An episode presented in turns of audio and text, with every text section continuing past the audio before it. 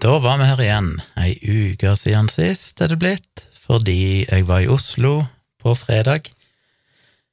Jeg kom hjem fredag, men uh, ble seint, rakk ikke spille inn podkast. Så, um, så ja.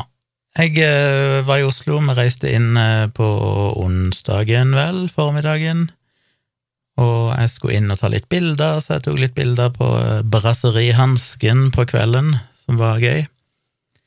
Nei, det gjorde jeg ikke. Jeg tok bilder på restaurant Arakataka i Oslo på kvelden.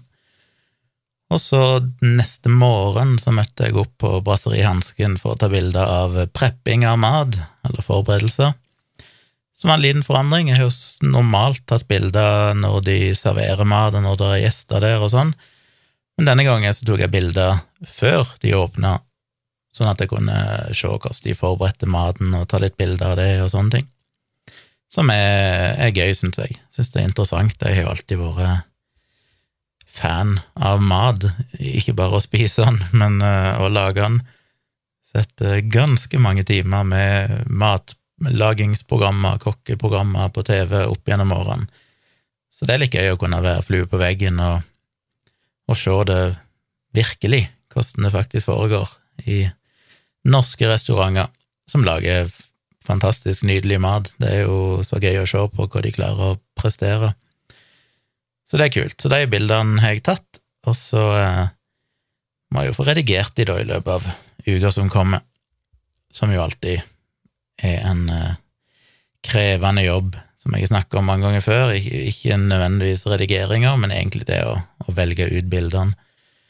For det blir jo mye bilder, det blir jo fort eh, 1000 pluss bilder ifra hver restaurant, og så skal det siles ned til ja, teknisk sett 20 bilder, men det blir jo ofte flere. Samtidig er jo det litt betryggende, for det, selv om jeg føler at ah, i dag fikk jeg ikke tatt noen skikkelig bra bilder, så når du tar mange nok, så finner en jo alltid iallfall 20 bilder som er temmelig bra.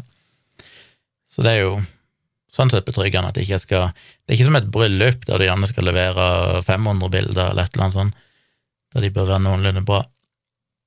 Så eh, det blir spennende. Jeg gleder meg. Jeg kikka kjapt gjennom de.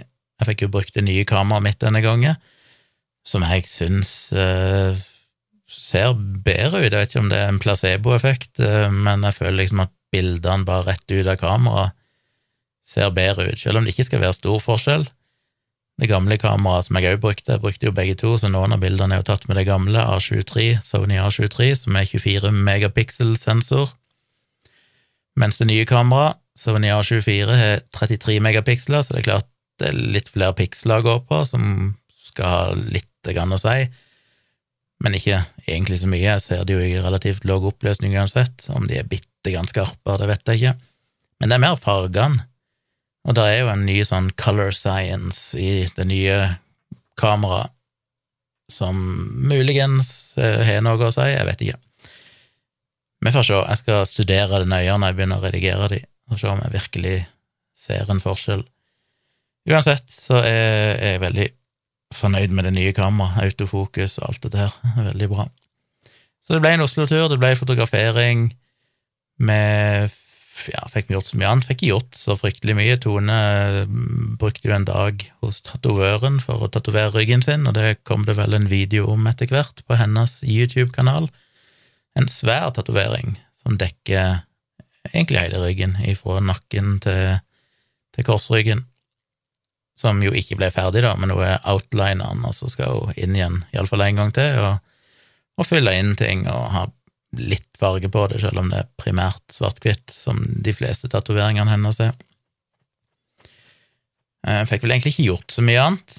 Vi reiste jo på veien hjem, så kjørte vi innom, eller vi parkerte bilen hos foreldrene til Tone, som bor i Asker. Så når vi kom, så parkerte vi der, og så tok vi toget fra Asker og inn til sentrum, der vi bodde på hotell. Så tok vi toget tilbake igjen på fredagen og eh, henta bilen, og så var vi innom dem og tok en kopp kaffe og og hun fikk henta en bunad som hun skulle ha, som vel var den samme bunaden som hun brukte i sin egen konfirmasjon, som fortsatt passa, eh, fordi hun trenger en bunad fordi min datter skal jo konfirmeres nå i mai. Da tenkte hun at hun skulle bruke bunaden sin, som hun kanskje ikke har brukt siden hun sjøl ble konfirmert. Litt usikker, men, eh, men, ja.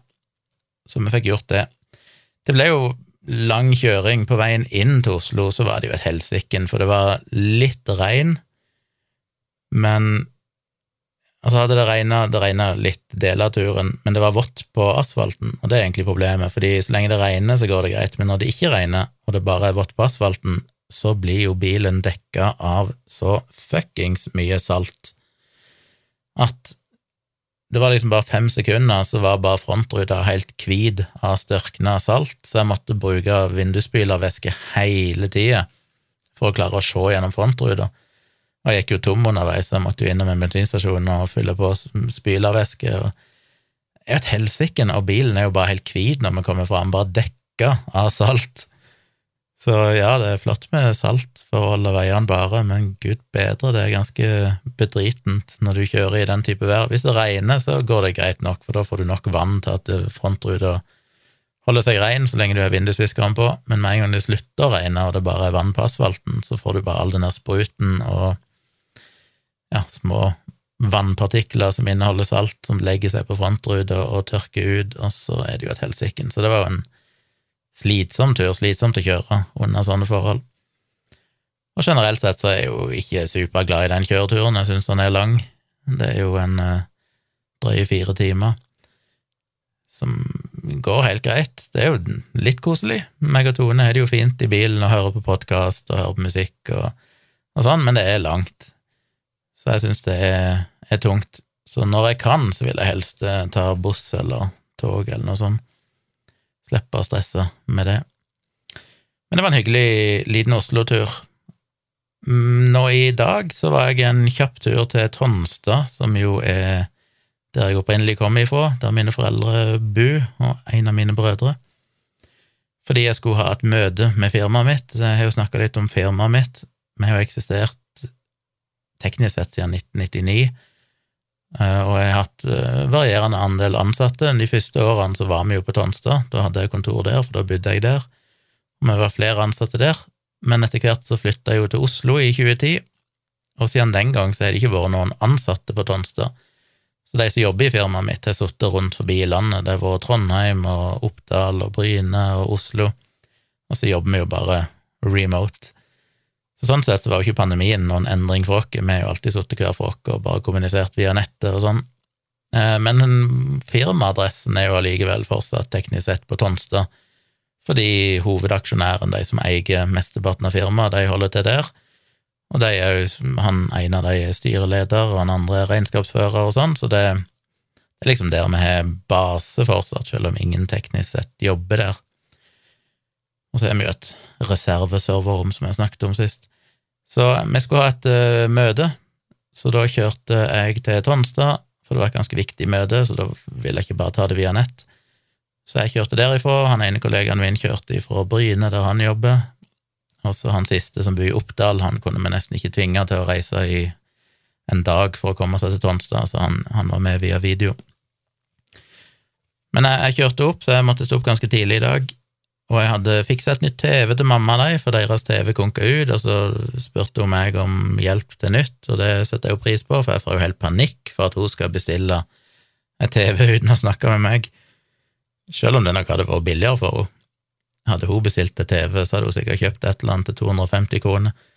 Eh, de skulle ha et 65-tommers TV, og jeg er jo litt sånn, skal de først kjøpe et TV, så skal de ha et skikkelig TV. Ikke top of the range, det skal ikke ha noe OLED-TV eller noe sånt, men, men et, et, sånn, ja, godt TV som jeg syns kvalifiserer. Så jeg satt jo og researcha litt og sånn. Endte opp med et uh, TV, kjørte til Sørlandsparken her på lørdag og henta det, sånn at jeg kunne ta det med meg til deg. Det var bare så vidt jeg inn i bilen. Det er jo 65 tommer pluss en ganske romslig kasse rundt gikk eh, akkurat inn bak i Teslaen. Så jeg tok med meg den, stua den inn i bilen i dag tidlig, kjørte av gårde til Tonstad, kjørte Indreveien, som de kaller det, det vil si at jeg kjører på en måte nord og, og vestover, istedenfor å kjøre sørover til Kristiansand og så følge motorveien langs eh, kysten omtrent, og så opp med Feda, som ligger i nærheten av Flekkefjord, og så videre nordover derifra. Og det er jo to ganske forskjellige turer. Jeg innbilte meg at det bare var sånn ti minutters forskjell på de to veiene, men det fant jo i dag ut at det faktisk var omtrent en halvtimes forskjell, så det er ganske mye kortere å kjøre indre veien.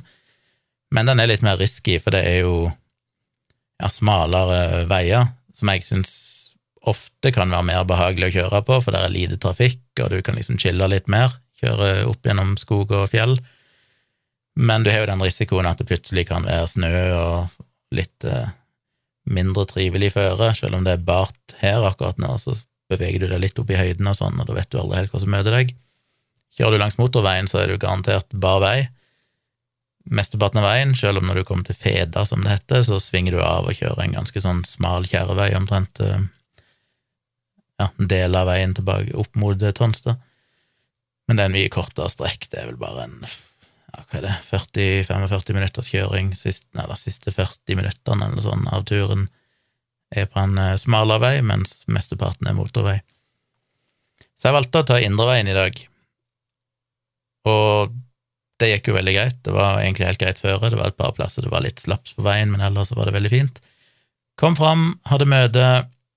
Etter møtet stakk jeg innom mamma og de og så skulle jeg hjelpe de å montere TV, for jeg hadde kjøpt en veggfeste, for de ville ommøblere stua og rett og slett montere TV på veggen som ikke de hadde hatt før, så jeg måtte ha med meg drill og litt forskjellig.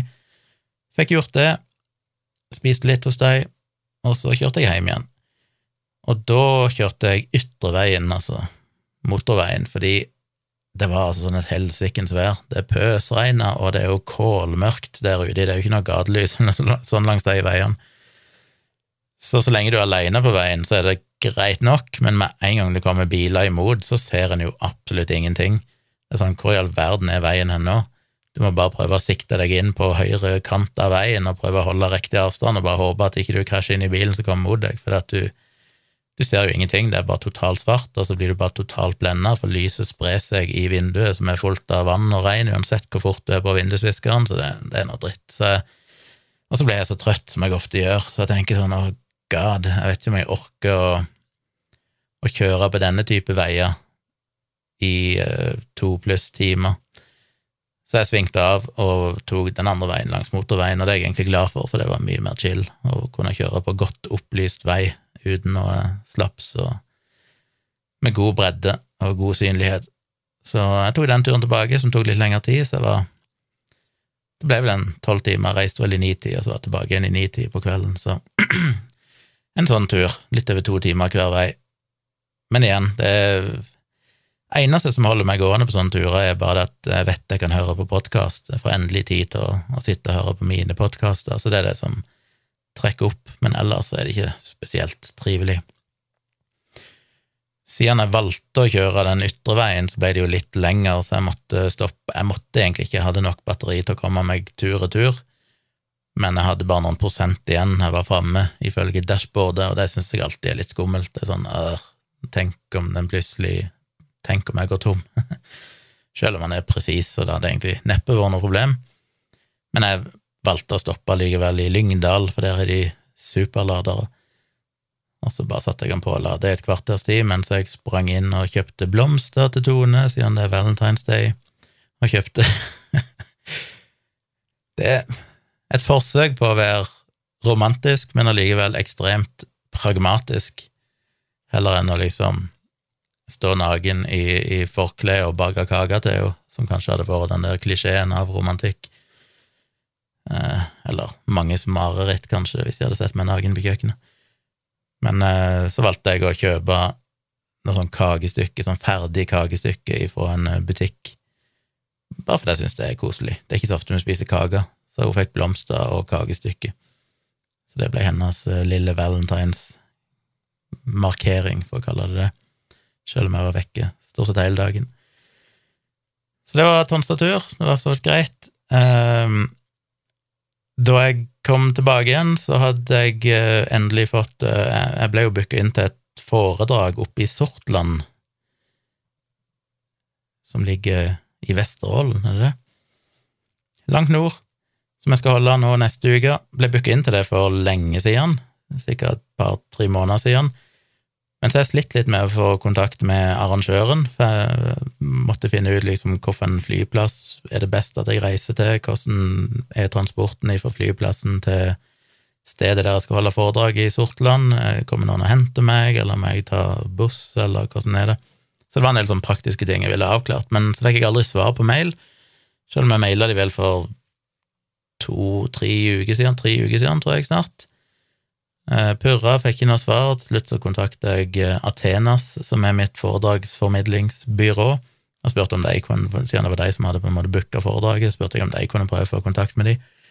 Så fikk jeg omsider svar i dag, da, og det var godt, for da fikk jeg eh, Og de beklagde jo så mye for at de ikke hadde fulgt opp mailene de hadde fått av meg og sånn, men ting er avklart. Så da var det å sette seg ned og bestille, og det føltes jo nesten litt Eh, jeg var helt ute av trening. Jeg mener, jeg har jo gullkort hos SAS eh, fordi jeg har reist så mye i forbindelse med foredrag og jobb. Ja, jeg kjenner på klimaskammen, men sånn er det. Eh, men jeg har jo ikke, følgelig ikke reist veldig mye de to siste årene. Jeg har vel hatt har jeg hatt? Kanskje to flyturer eller noe sånt. Jeg hadde en jobbtur til Svalbard her i høsten 2020, vel eller sånt, så var vi vel i Trondheim og hadde en dialogisk liveshow her august 2020. Uh, det er sånt. Det er iallfall lite jeg har reist. Så det å gå inn på SAS og skulle bestille billetter og sånn, det var sånn åh, hvordan, hvordan er det jeg pleier å gjøre dette her? og jeg er jo litt uh, Jeg har jo mine rutiner for hvor jeg vil sitte hen, hvilke plasser. Jeg må jo sitte på en partallsplass, blant annet. Kan ikke sitte på åttetall, det er jo helt uaktuelt.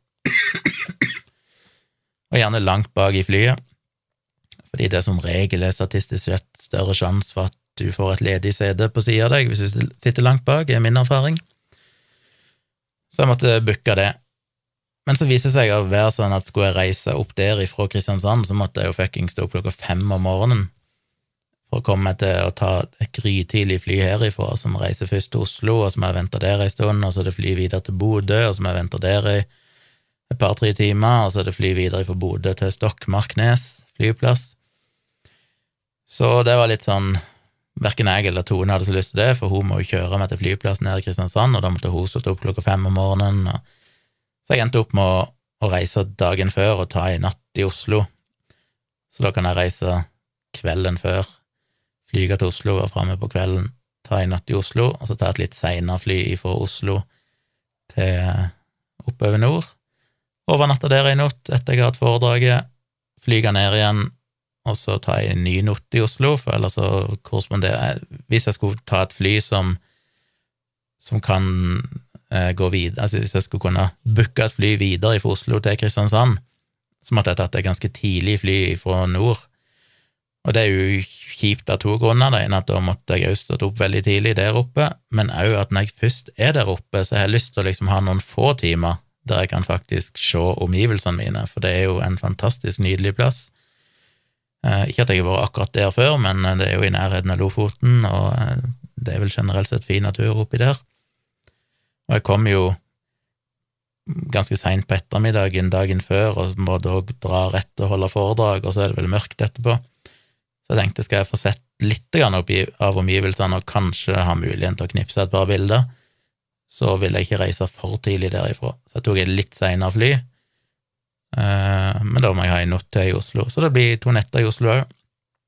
Så det er jo sånn klassisk eksempel på dette her med prising av foredrag, når folk spør liksom ja, skal du ha så mye penger for å stå og holde foredrag i en time, halvannen time. Og så er det jo sånn i realiteten, så må jeg altså reise på en tirsdag og komme hjem igjen på fredag og ha tre hotellovernattinger og et tonn med flyturer. Nå dekker jo riktignok de fly og, og, hotell, men det er jo sånn at jeg må være vekk fra jobben min i tre dager for å holde et drøyt times foredrag. Så det er jo Det er mye som ligger inni den timen, for å si det mildt. Og jeg får ikke betalt for alt det, så det må på en måte bakes litt inn i den prisen jeg, jeg tar for å, i det honoraret jeg tar for å ta den timen. Så det blir foredrag i Sortland. Jeg har ikke sjekka om det er åpent for alle, men det tror jeg det er. Det skal være i, i Kulturhuset, Sortland kulturhus, eller Kulturfabrikken eh, Sortland, eller noe sånt heter det vel. Og de har plass til 130 personer, eller noe sånt. Så jeg tror det er bare å møte opp. Det er altså onsdag 23. februar klokka 18, sitter jeg forstått. Eller så får dere sjekke informasjonen i nærheten. Men altså neste onsdag, 23. februar klokka 18 i Sortland kulturhus. Hvis dere har lyst til å komme på foredrag, det er vel Human-Etisk Forbund, eh, Vesterålen lokallag eller noe sånt som arrangerer det. Men jeg tror det er åpent for alle, og jeg tipper det er gratis, selv om don't quote me, jeg har ikke sjekka om det er gratis, men ofte så er de gratis. Eh, så hvis dere har lyst til å se meg, hvis dere bor i nærheten der oppe og har lyst til å ha muligheten til å komme på foredrag, så er det altså ja, neste onsdag i Sortland kulturhus klokka seks. Så det var den reklamen. Eh, hvis dere ikke har mulighet til å komme på foredrag Jeg skal holde et, jeg skal holde et par foredrag til nå i mars, men de er vel lukka begge to, for det er mer sånn for eh, Det ene er for eh, Nibio borte i Østfold, og det andre er for eh, noen helsearbeidere i Agder. Så det er vel ikke noe som folk kan komme på. Men hvis du har lyst til å se det foredraget jeg skal holde i Sortland, så kan du altså kjøpe deg tilgang til det på nettet, for jeg har jo, som jeg nevnte tidligere, spilt det inn i sin helhet. Så det ligger klar til streaming. Jeg skal legge link i shownotes, for den adressen er ikke så enkel men det er en videotjeneste som heter Void, V-O-Y-D. Så hvis du går inn på void.no, tror jeg fins, eller så er det void.se for den svenske tjeneste, og bare søker på Tjomli, så finner du det. Men jeg skal legge link i shownotes til den episoden. Det koster vel 250 kroner, tror jeg jeg priser det til. Så får du evig tilgang til dette foredraget mitt, så du kan se det så mange ganger du vil, eh, hvis du er en privatperson. Så det kan du jo få med deg. Eller så noterte jeg meg her for lenge siden i notatene til det jeg skal snakke om i neste podkast, som jeg hadde glemt litt vekk før jeg plutselig så det.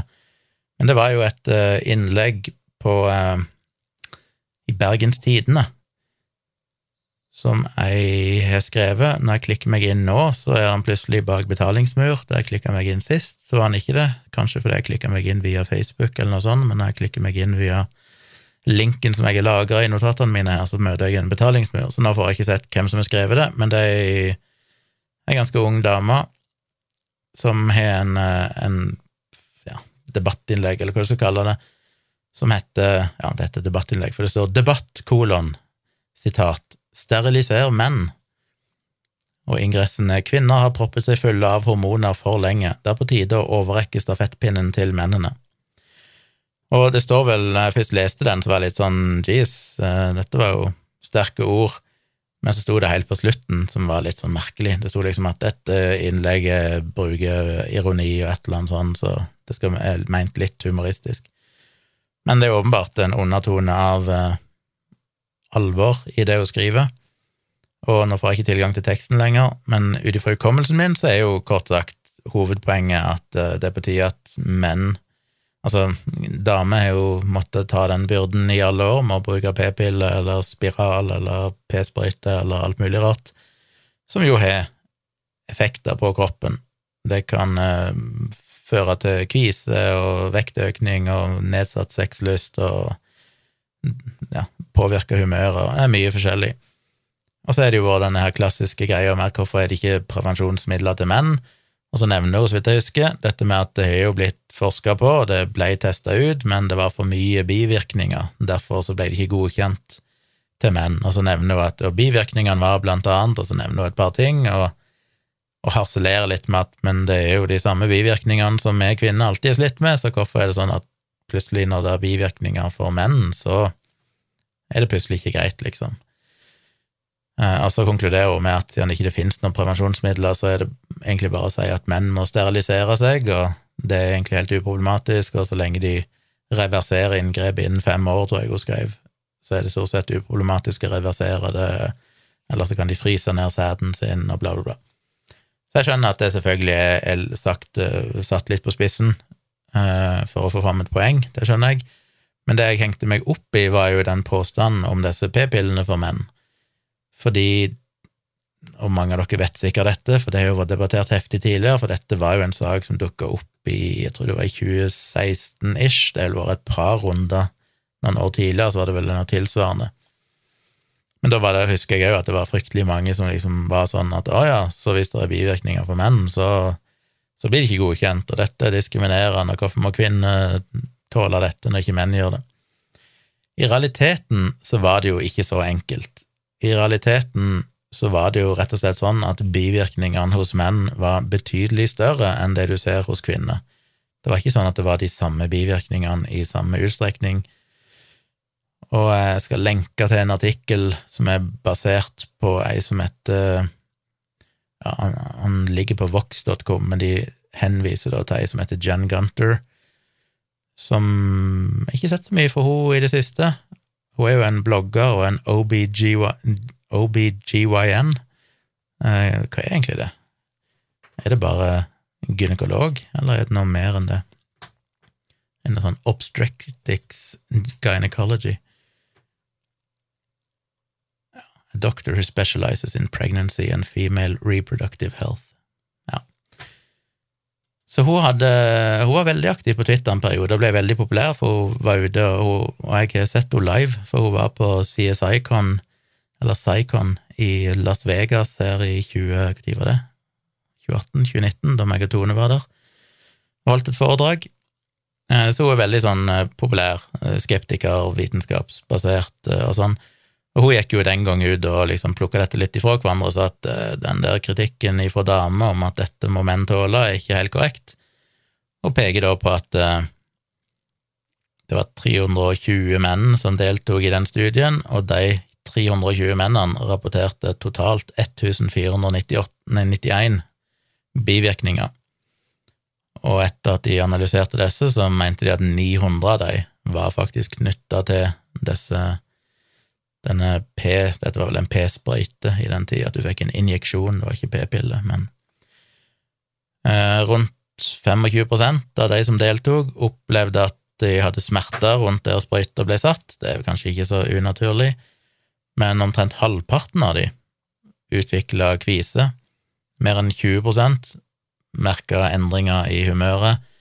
38% opplevde en økt sexlyst, og 15% opplevde muskelsmerter.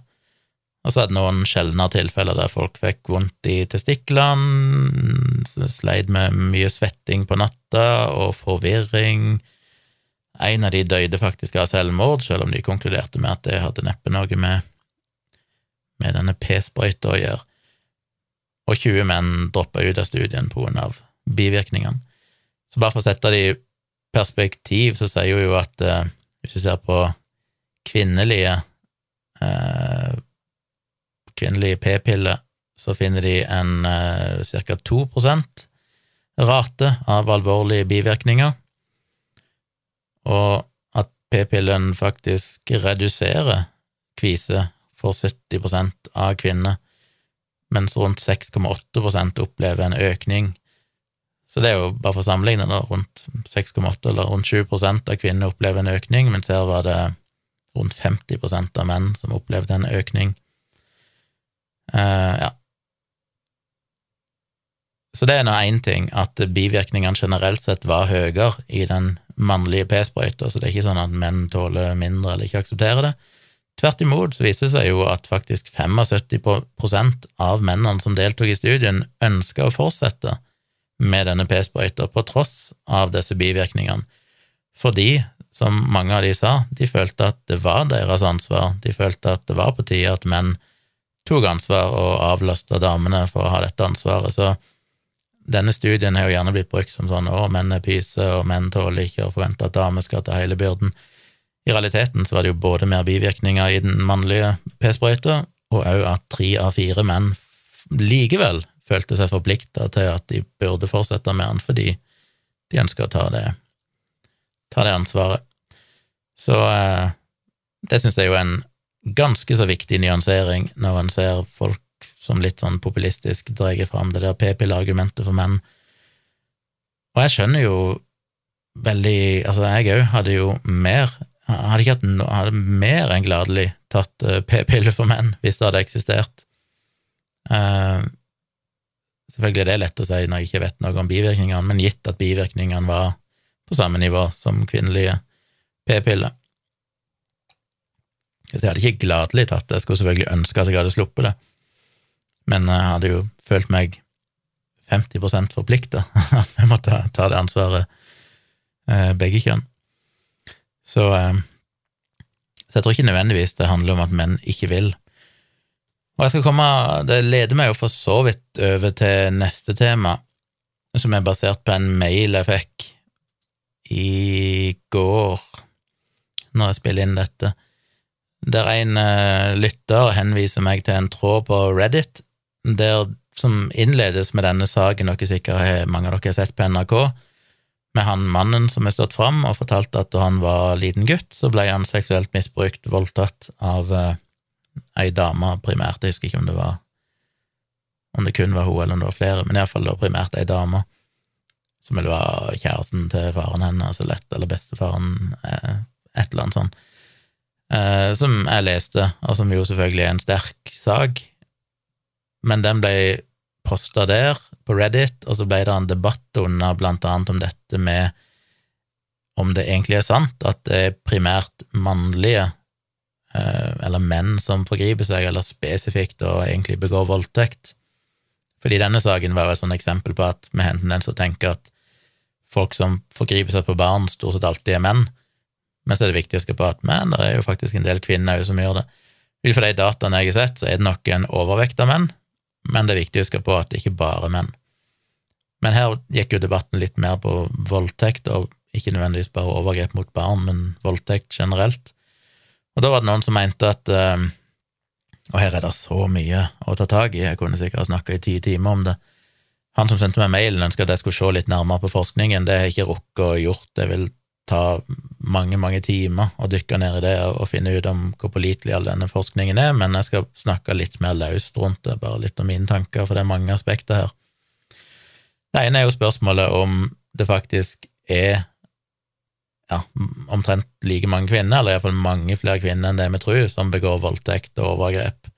Fordi vi hører jo primært om menn, og mye av fokuset er jo alltid vært på dette med kvinners trygghet, og at menn forgriper seg og trakasserer og voldtar.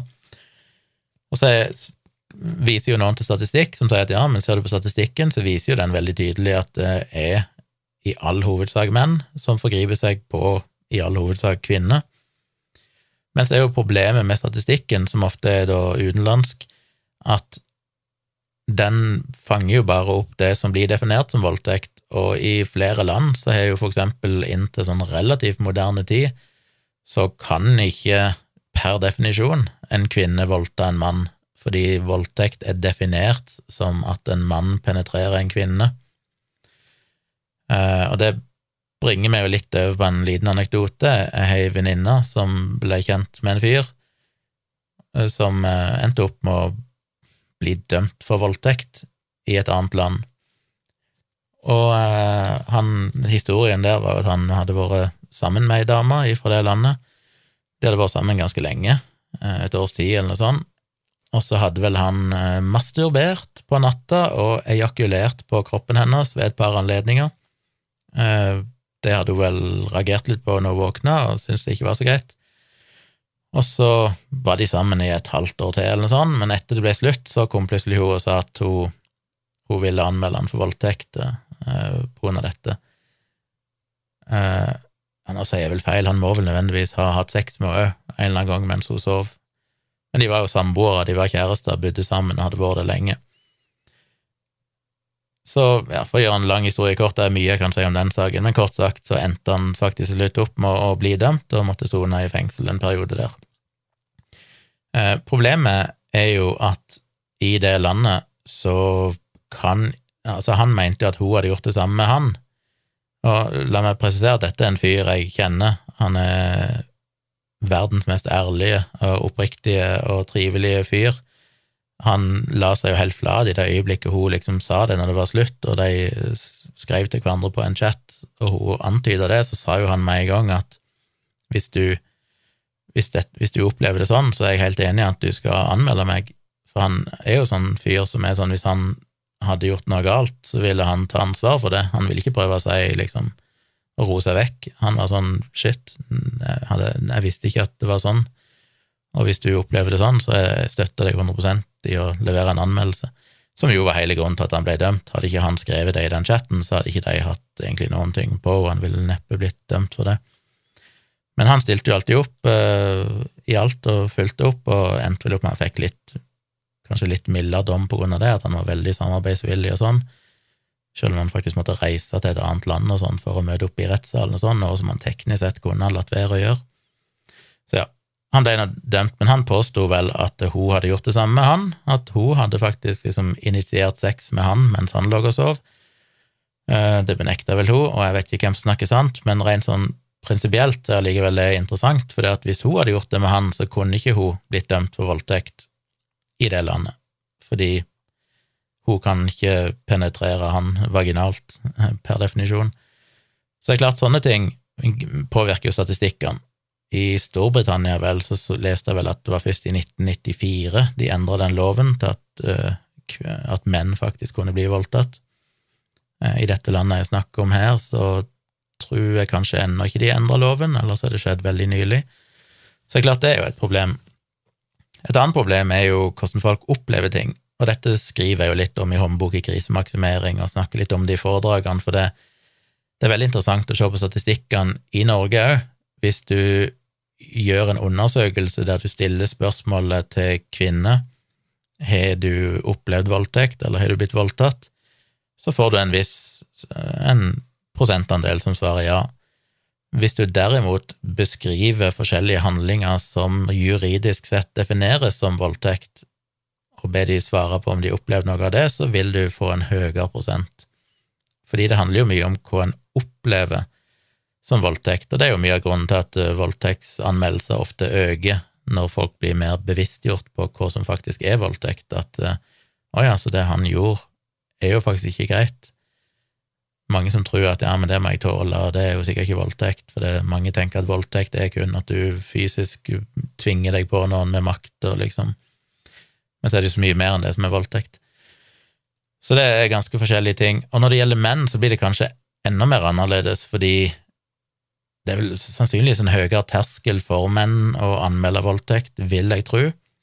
Litt fordi at vi skal jo på en måte ikke oppleve sånne ting som så fælt. Vi skal tåle det, vi skal Ja, det er nok et eller annet med mentaliteten og ideen om, om maktdynamikken mellom mann og kvinne i seksuelle relasjoner som kanskje gjør at det, det sitter nok kanskje Han er jeg jo fullstendig klar over at det sitter veldig langt inne for kvinner òg å anmelde voldtekt i mange tilfeller. Så jeg sier ikke at det er enkelt, men jeg sier at det kanskje er en litt annen mentalitet. og den kan både være riktig og urektig, fordi jeg tror nok den fører til en underrapportering, under underanmelding av voldtekter fra menn.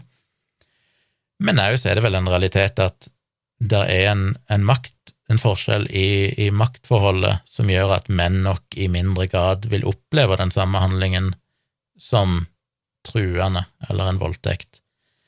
Altså, jeg tror nok eh, Og dette vet jeg er farlig å si, for jeg skal ikke generalisere.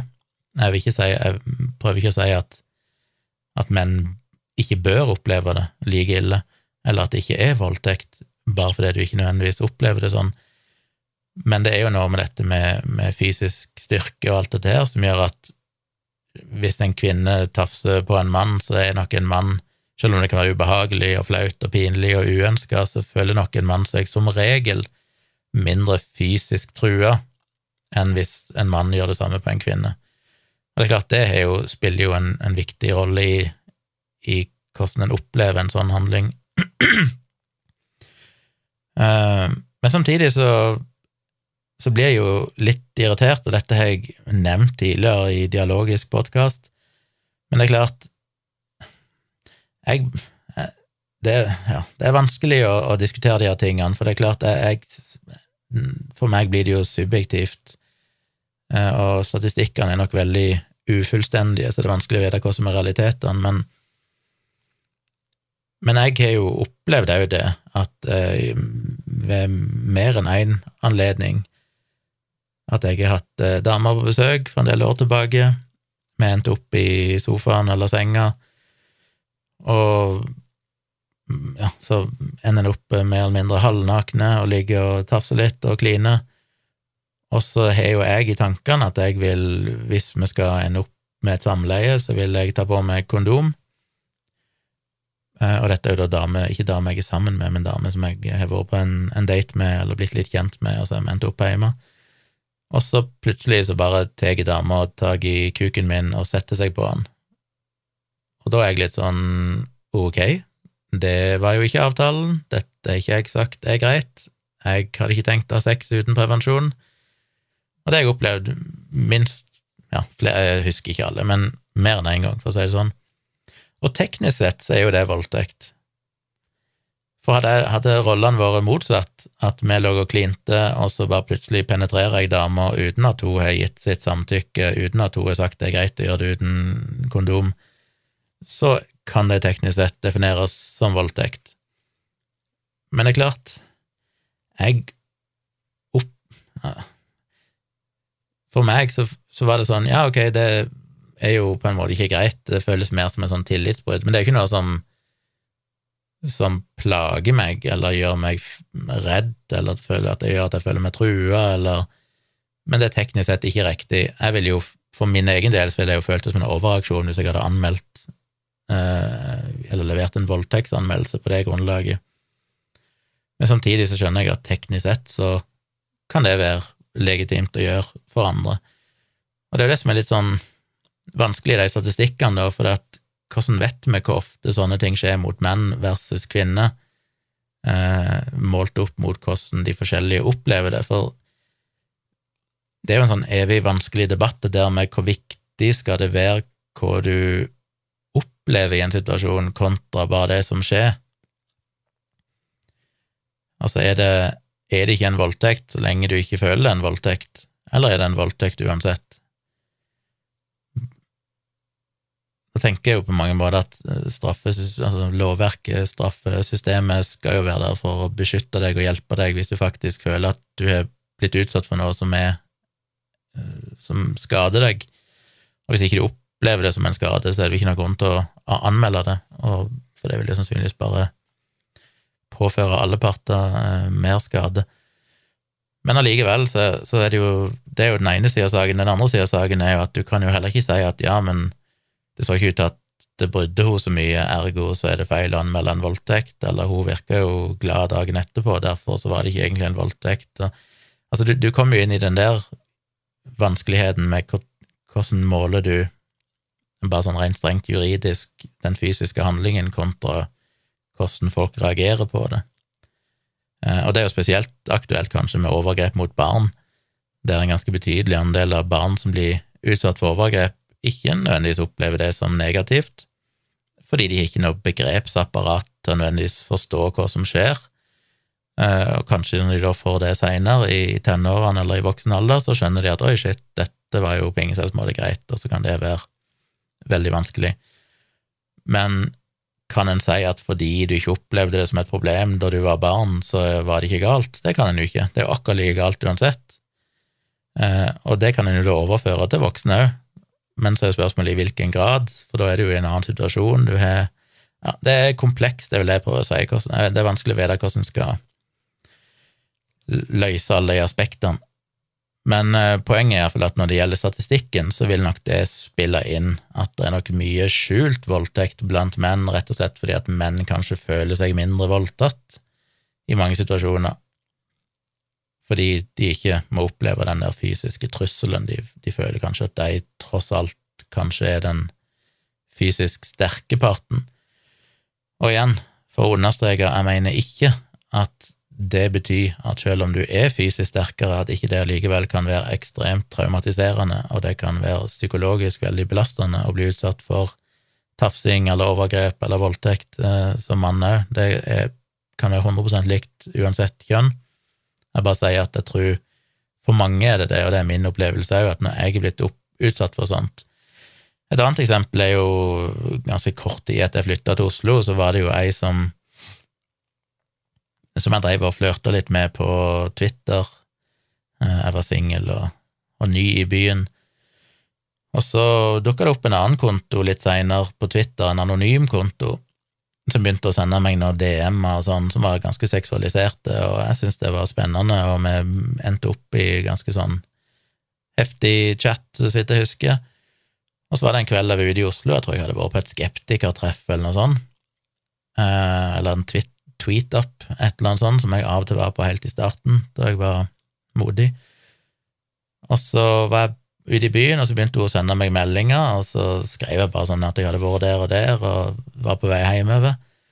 Og mens jeg gikk liksom gjennom sentrum, så, så utveksla vi noen meldinger på Twitter, og så plutselig så hopper der ei dame fram ifra bak en søppelcontainer som sto der, og så er det hun. Og det viser seg at hun mer eller mindre har stalka meg, funnet ut hvor jeg var hen, eh, gått ned i byen, fulgt etter meg, bla, bla, bla. Jeg var jo reagerte jo med å bli på en måte sjarmert. Jeg var sånn Oi, shit, er hun så keen på meg? Det, hadde, har ikke jeg opplevd før. og det endte opp med at vi, vi ja, hun ble med meg hjem, og vi endte vel opp eh, i, til sengs. Men det er klart, sånn sett i ettertid, hadde rollene vært reversert der? Hadde det vært ei dame, la oss si det var meg, som hadde stalka ei dame og plutselig bare hoppet fram foran henne og sa 'her er jeg', så hadde jo det vært mildt sagt eh, ganske creepy, og kunne fort vært oppfatta som ekstremt truende overfor den dama, og på ingen selvs måte passende. Men nettopp fordi at jeg nok da, i kraft av å være mann, ikke følte meg fysisk trua, så blir en sånn situasjon mer sånn ha-ha, det var jo litt, eh, litt sært at det skjedde, og så ble jeg litt sjarmert, og så bla, bla, bla. Men hadde rollene vært reversert, ville jo det vært en definitivt en mye mer truende situasjon, tror jeg.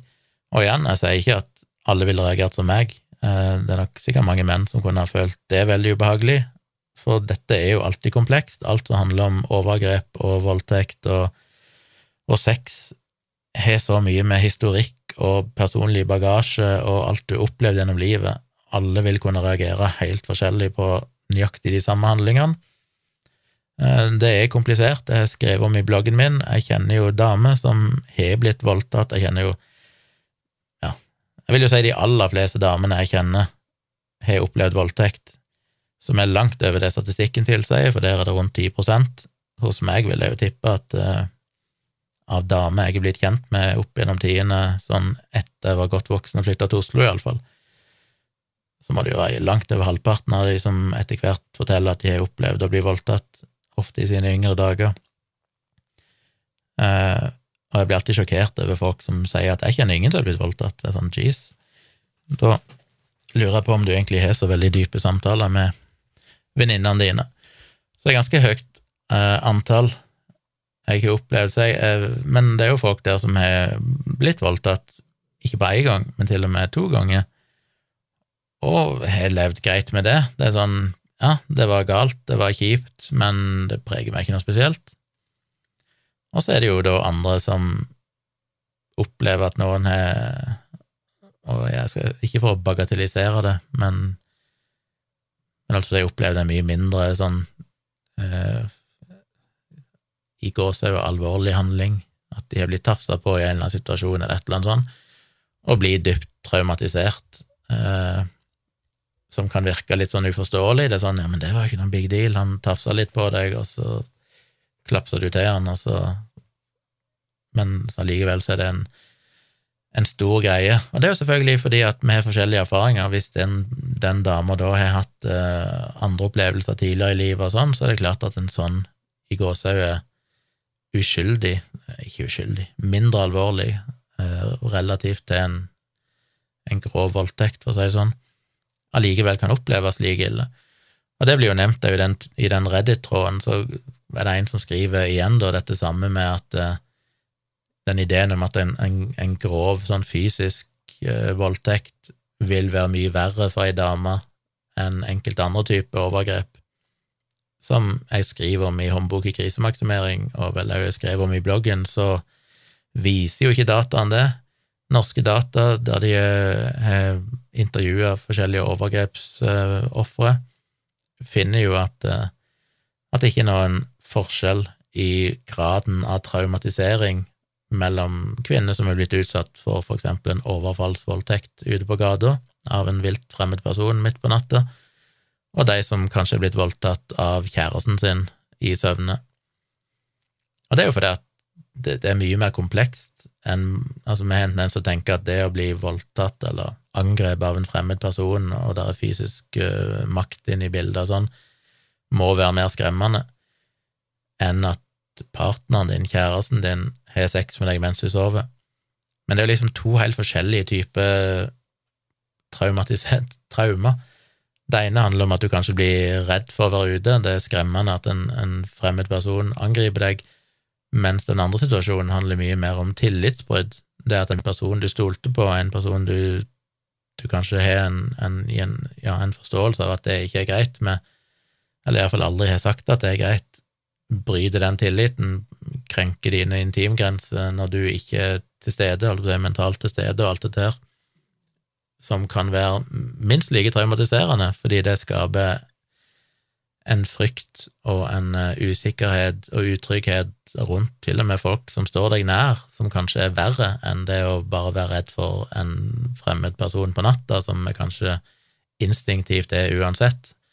Men vi håper jo at de vi faktisk er glad i, og som vi bor sammen med, at vi kan stole på dem, i det minste.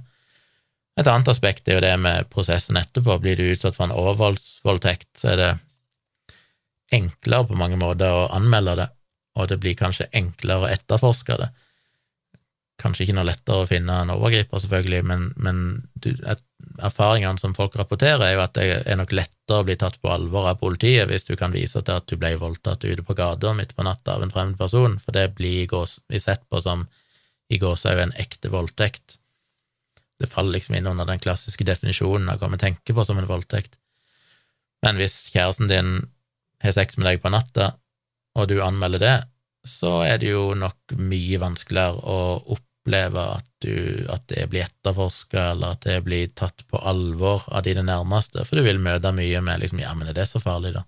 Det er jo kjæresten din, han vil deg ikke noe vondt, og alt det der.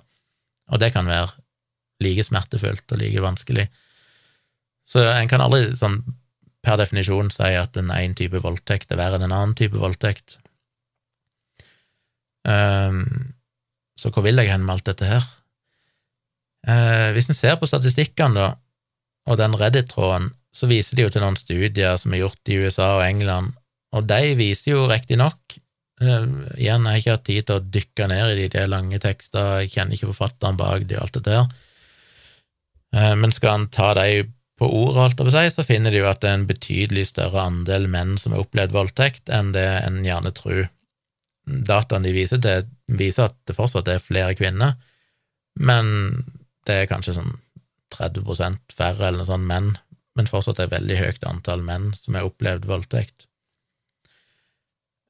Eh, det er jo overraskende, og det er noen artikler Jeg skal ikke lenke til alle studiene, men jeg skal lenke til én artikkel i Scientific American der en av de som, igjen, som står bak en av de studiene, skriver litt mer i, i vanlig lettleselig språk om eh, den problematikken, da, om at det kanskje er litt sånn eh, Ja, vi ikke er klar over hvor mange menn som faktisk er utsatt for voldtekt av kvinner. Men så er det jo kanskje mer interessant for oss hva er realiteten i Norge. Og med all kriminalitet så er det jo alltid to måter å se det på. Det ene er jo å se på antall anmeldelser, men antall anmeldelser vil ofte kunne inneholde store mørketall, for igjen, det handler om kultur, det handler om bevisstgjøring, det handler om at du tror at det er verdt å anmelde og alt dette her. Så en annen måte å analysere det på er jo den motsatte veien, det er jo heller å gjennomføre befolkningsundersøkelser, og så spør folk har du opplevd dette og dette og dette. Og da finner en jo blant annet den eh, NKVTS-rapporten fra 2014, nå hadde jeg det oppe her, jeg husker aldri helt hva det står for. Det står for Nasjonalt kunnskapssenter om vold og traumatisk stress, eh, som jeg òg refererer mye til i håndbok i krisemaksimering, for jeg dykker jo ganske mye ned i dette her spørsmålet om overgrep og sånn.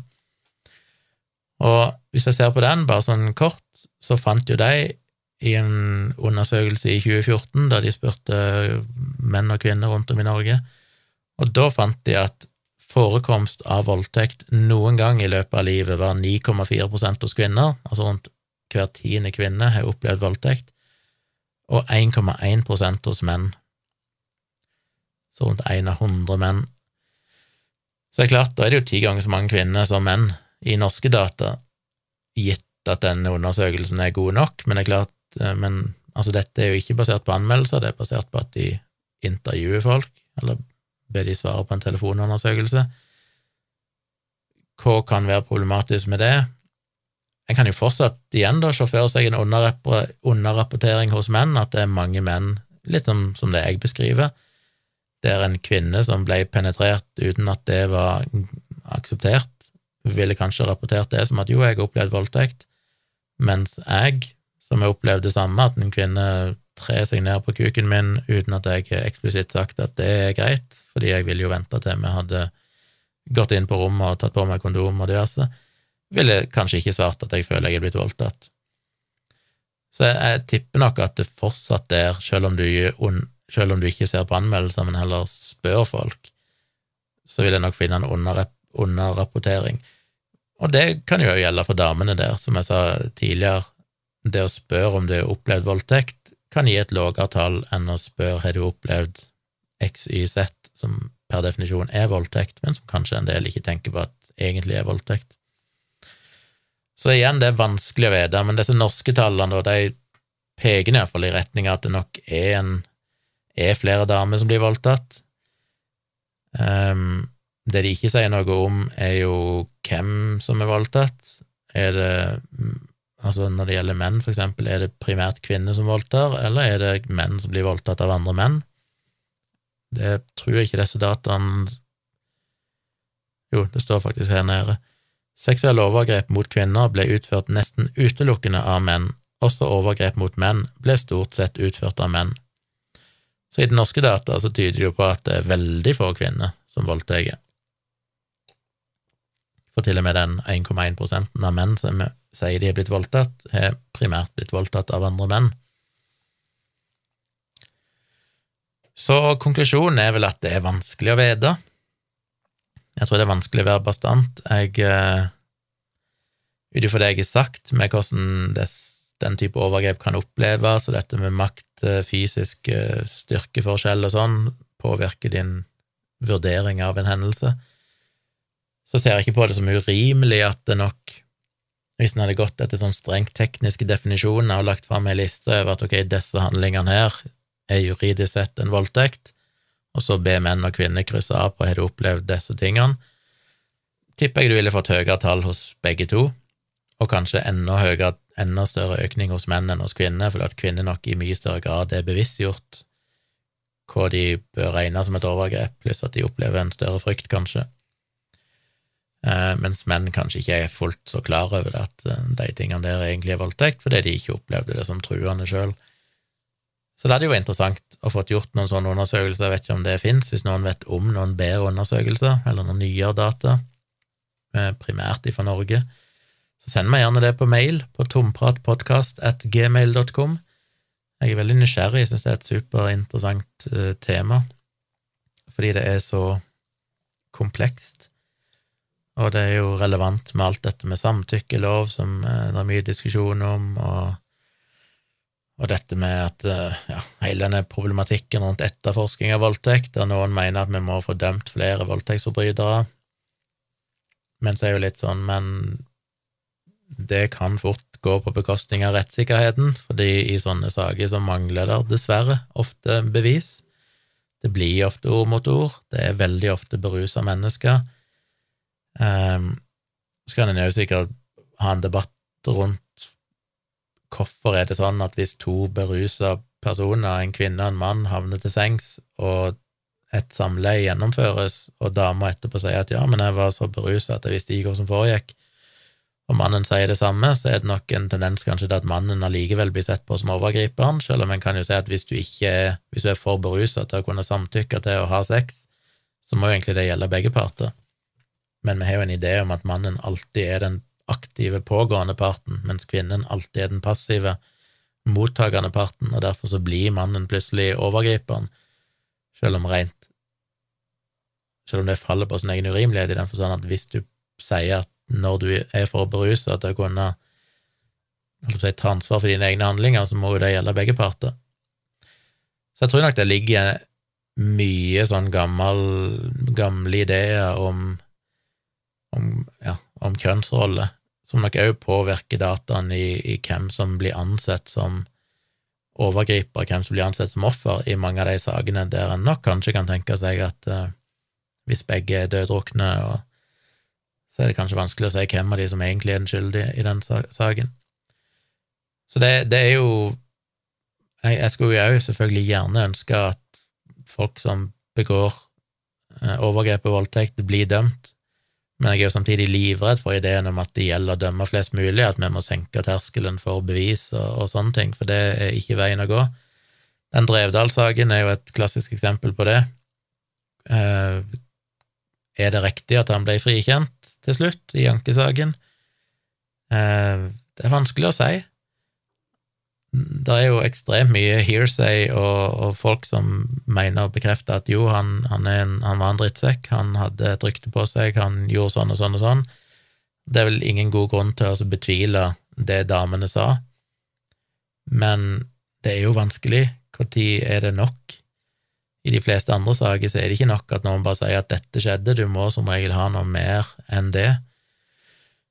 Og jeg jeg har jo alltid syntes det har vært vanskelig, det, den ideen i Norge om at det er vel Jeg husker ikke hva det er. Er det, Må du ha liksom to tredjedels overvekt for å bli dømt, mens det er bare eh, flertallet som må til for å få en erstatning, som jo gjorde at han endte opp med å bli frikjent for de fleste sakene, men allikevel ble dømt til en erstatning fordi bevisbyrden er lavere der. Og det er jo et viktig signal. Jeg har liksom tenkt at det høres jo helt idiotisk ut. Hvis du blir frikjent, så hvorfor i all verden skal du betale en erstatning? På en annen side sett så er det jo litt Det blir jo en måte å si at at eh, teknisk sett, for å ivareta rettssikkerheten, så er det ikke nok bevist at vi kan dømme deg til fengsel eller en sånn straff, men det betyr ikke at du er uskyldig. Vi er ganske overbevist om at du har gjort dette, Eh, og derfor velger vi å gi deg en bot.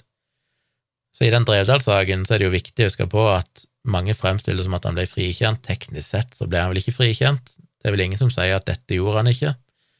Eh, det at han ble dømt og, og måtte betale erstatning, er jo et tydelig signal om at juryen er overbevist om at han faktisk gjennomførte disse handlingene, men det kvalifiserer ikke rent sånn rettslig bevismessig til å kunne si at vi skal idømme deg fengsel.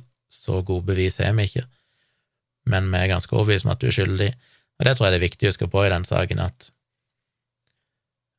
selv om en kan være forbanna for at han ikke fikk en lang fengselsstraff, så er jo realiteten at han vel At, at rettsvesenet har ikke sagt at Drevdal var uskyldig. Vi tror ikke på damene. Tvert imot, damene ble trudd. Han ble stempla som skyldig, men det er ikke sterke nok bevis til å kunne idømme han en, en fengselsstraff. Eh, litt overfladisk eh, tanke rundt akkurat det, men jeg tror det er viktig å huske på at, det, at uh, juryen på en måte ikke frikjente han. Og det er kanskje riktig å gjøre det på den måten, fordi uh, jeg kan ikke tenke meg noe vanskeligere her i verden enn akkurat det, at vi ønsker å slå hardt ned på voldtekt og overgrep, men samtidig må vi innse at med mindre vi monterer kamera overalt, eh, så vil dessverre de fleste sånne saker gjerne ende opp uten en dom. Og det tror jeg er riktig. Jeg vil heller det enn at vi ender opp med å dømme uskyldige. Og det er jævlig kjipt å måtte bite i det ekstremt sure eplet, men uh, jeg føler jo alternativet er verre. Det er jo den klassiske, jeg vil heller at ti skyldige går fri enn at én uskyldig blir dømt. Det det tror jeg er noe vi må huske på, sjøl hvor lyst vi har å straffe folk som gjør jævlige ting. Så er det jo bare å tenke på seg sjøl eller sine nærmeste, hvor jævlig det er for dem, og hvis de hadde blitt dømt for noe som de på ingen måte hadde gjort. Jeg tror det er Jeg tror vi er et bedre samfunn hvis vi lar noen skyldige gå fri, enn hvis vi ender opp med å risikere å dømme for mange uskyldige, for mange uskyldige blir jo dømt allerede i dag. Eh, men Vi må jo holde det så lågt som mulig. Og heldigvis er vi ikke dødsstraff, som i hvert fall i motsetning til USA, der folk blir drept uskyldig. Men nok om det. Jeg skal ikke snakke mer om dette, det er sikkert mer jeg kunne sagt. Jeg hadde vel egentlig flere tanker om det før jeg begynte å spille inn, og så har jeg sikkert glemt vekk halvparten av de, men det er sikkert lenge nok om den saken. Jeg har holdt på en times tid her. Jeg er nysgjerrig på hva dere tenker, så send meg gjerne feedback på tompratpodkast.gmail.com. Jeg har jo bare som vanlig sittet og tenkt høyt.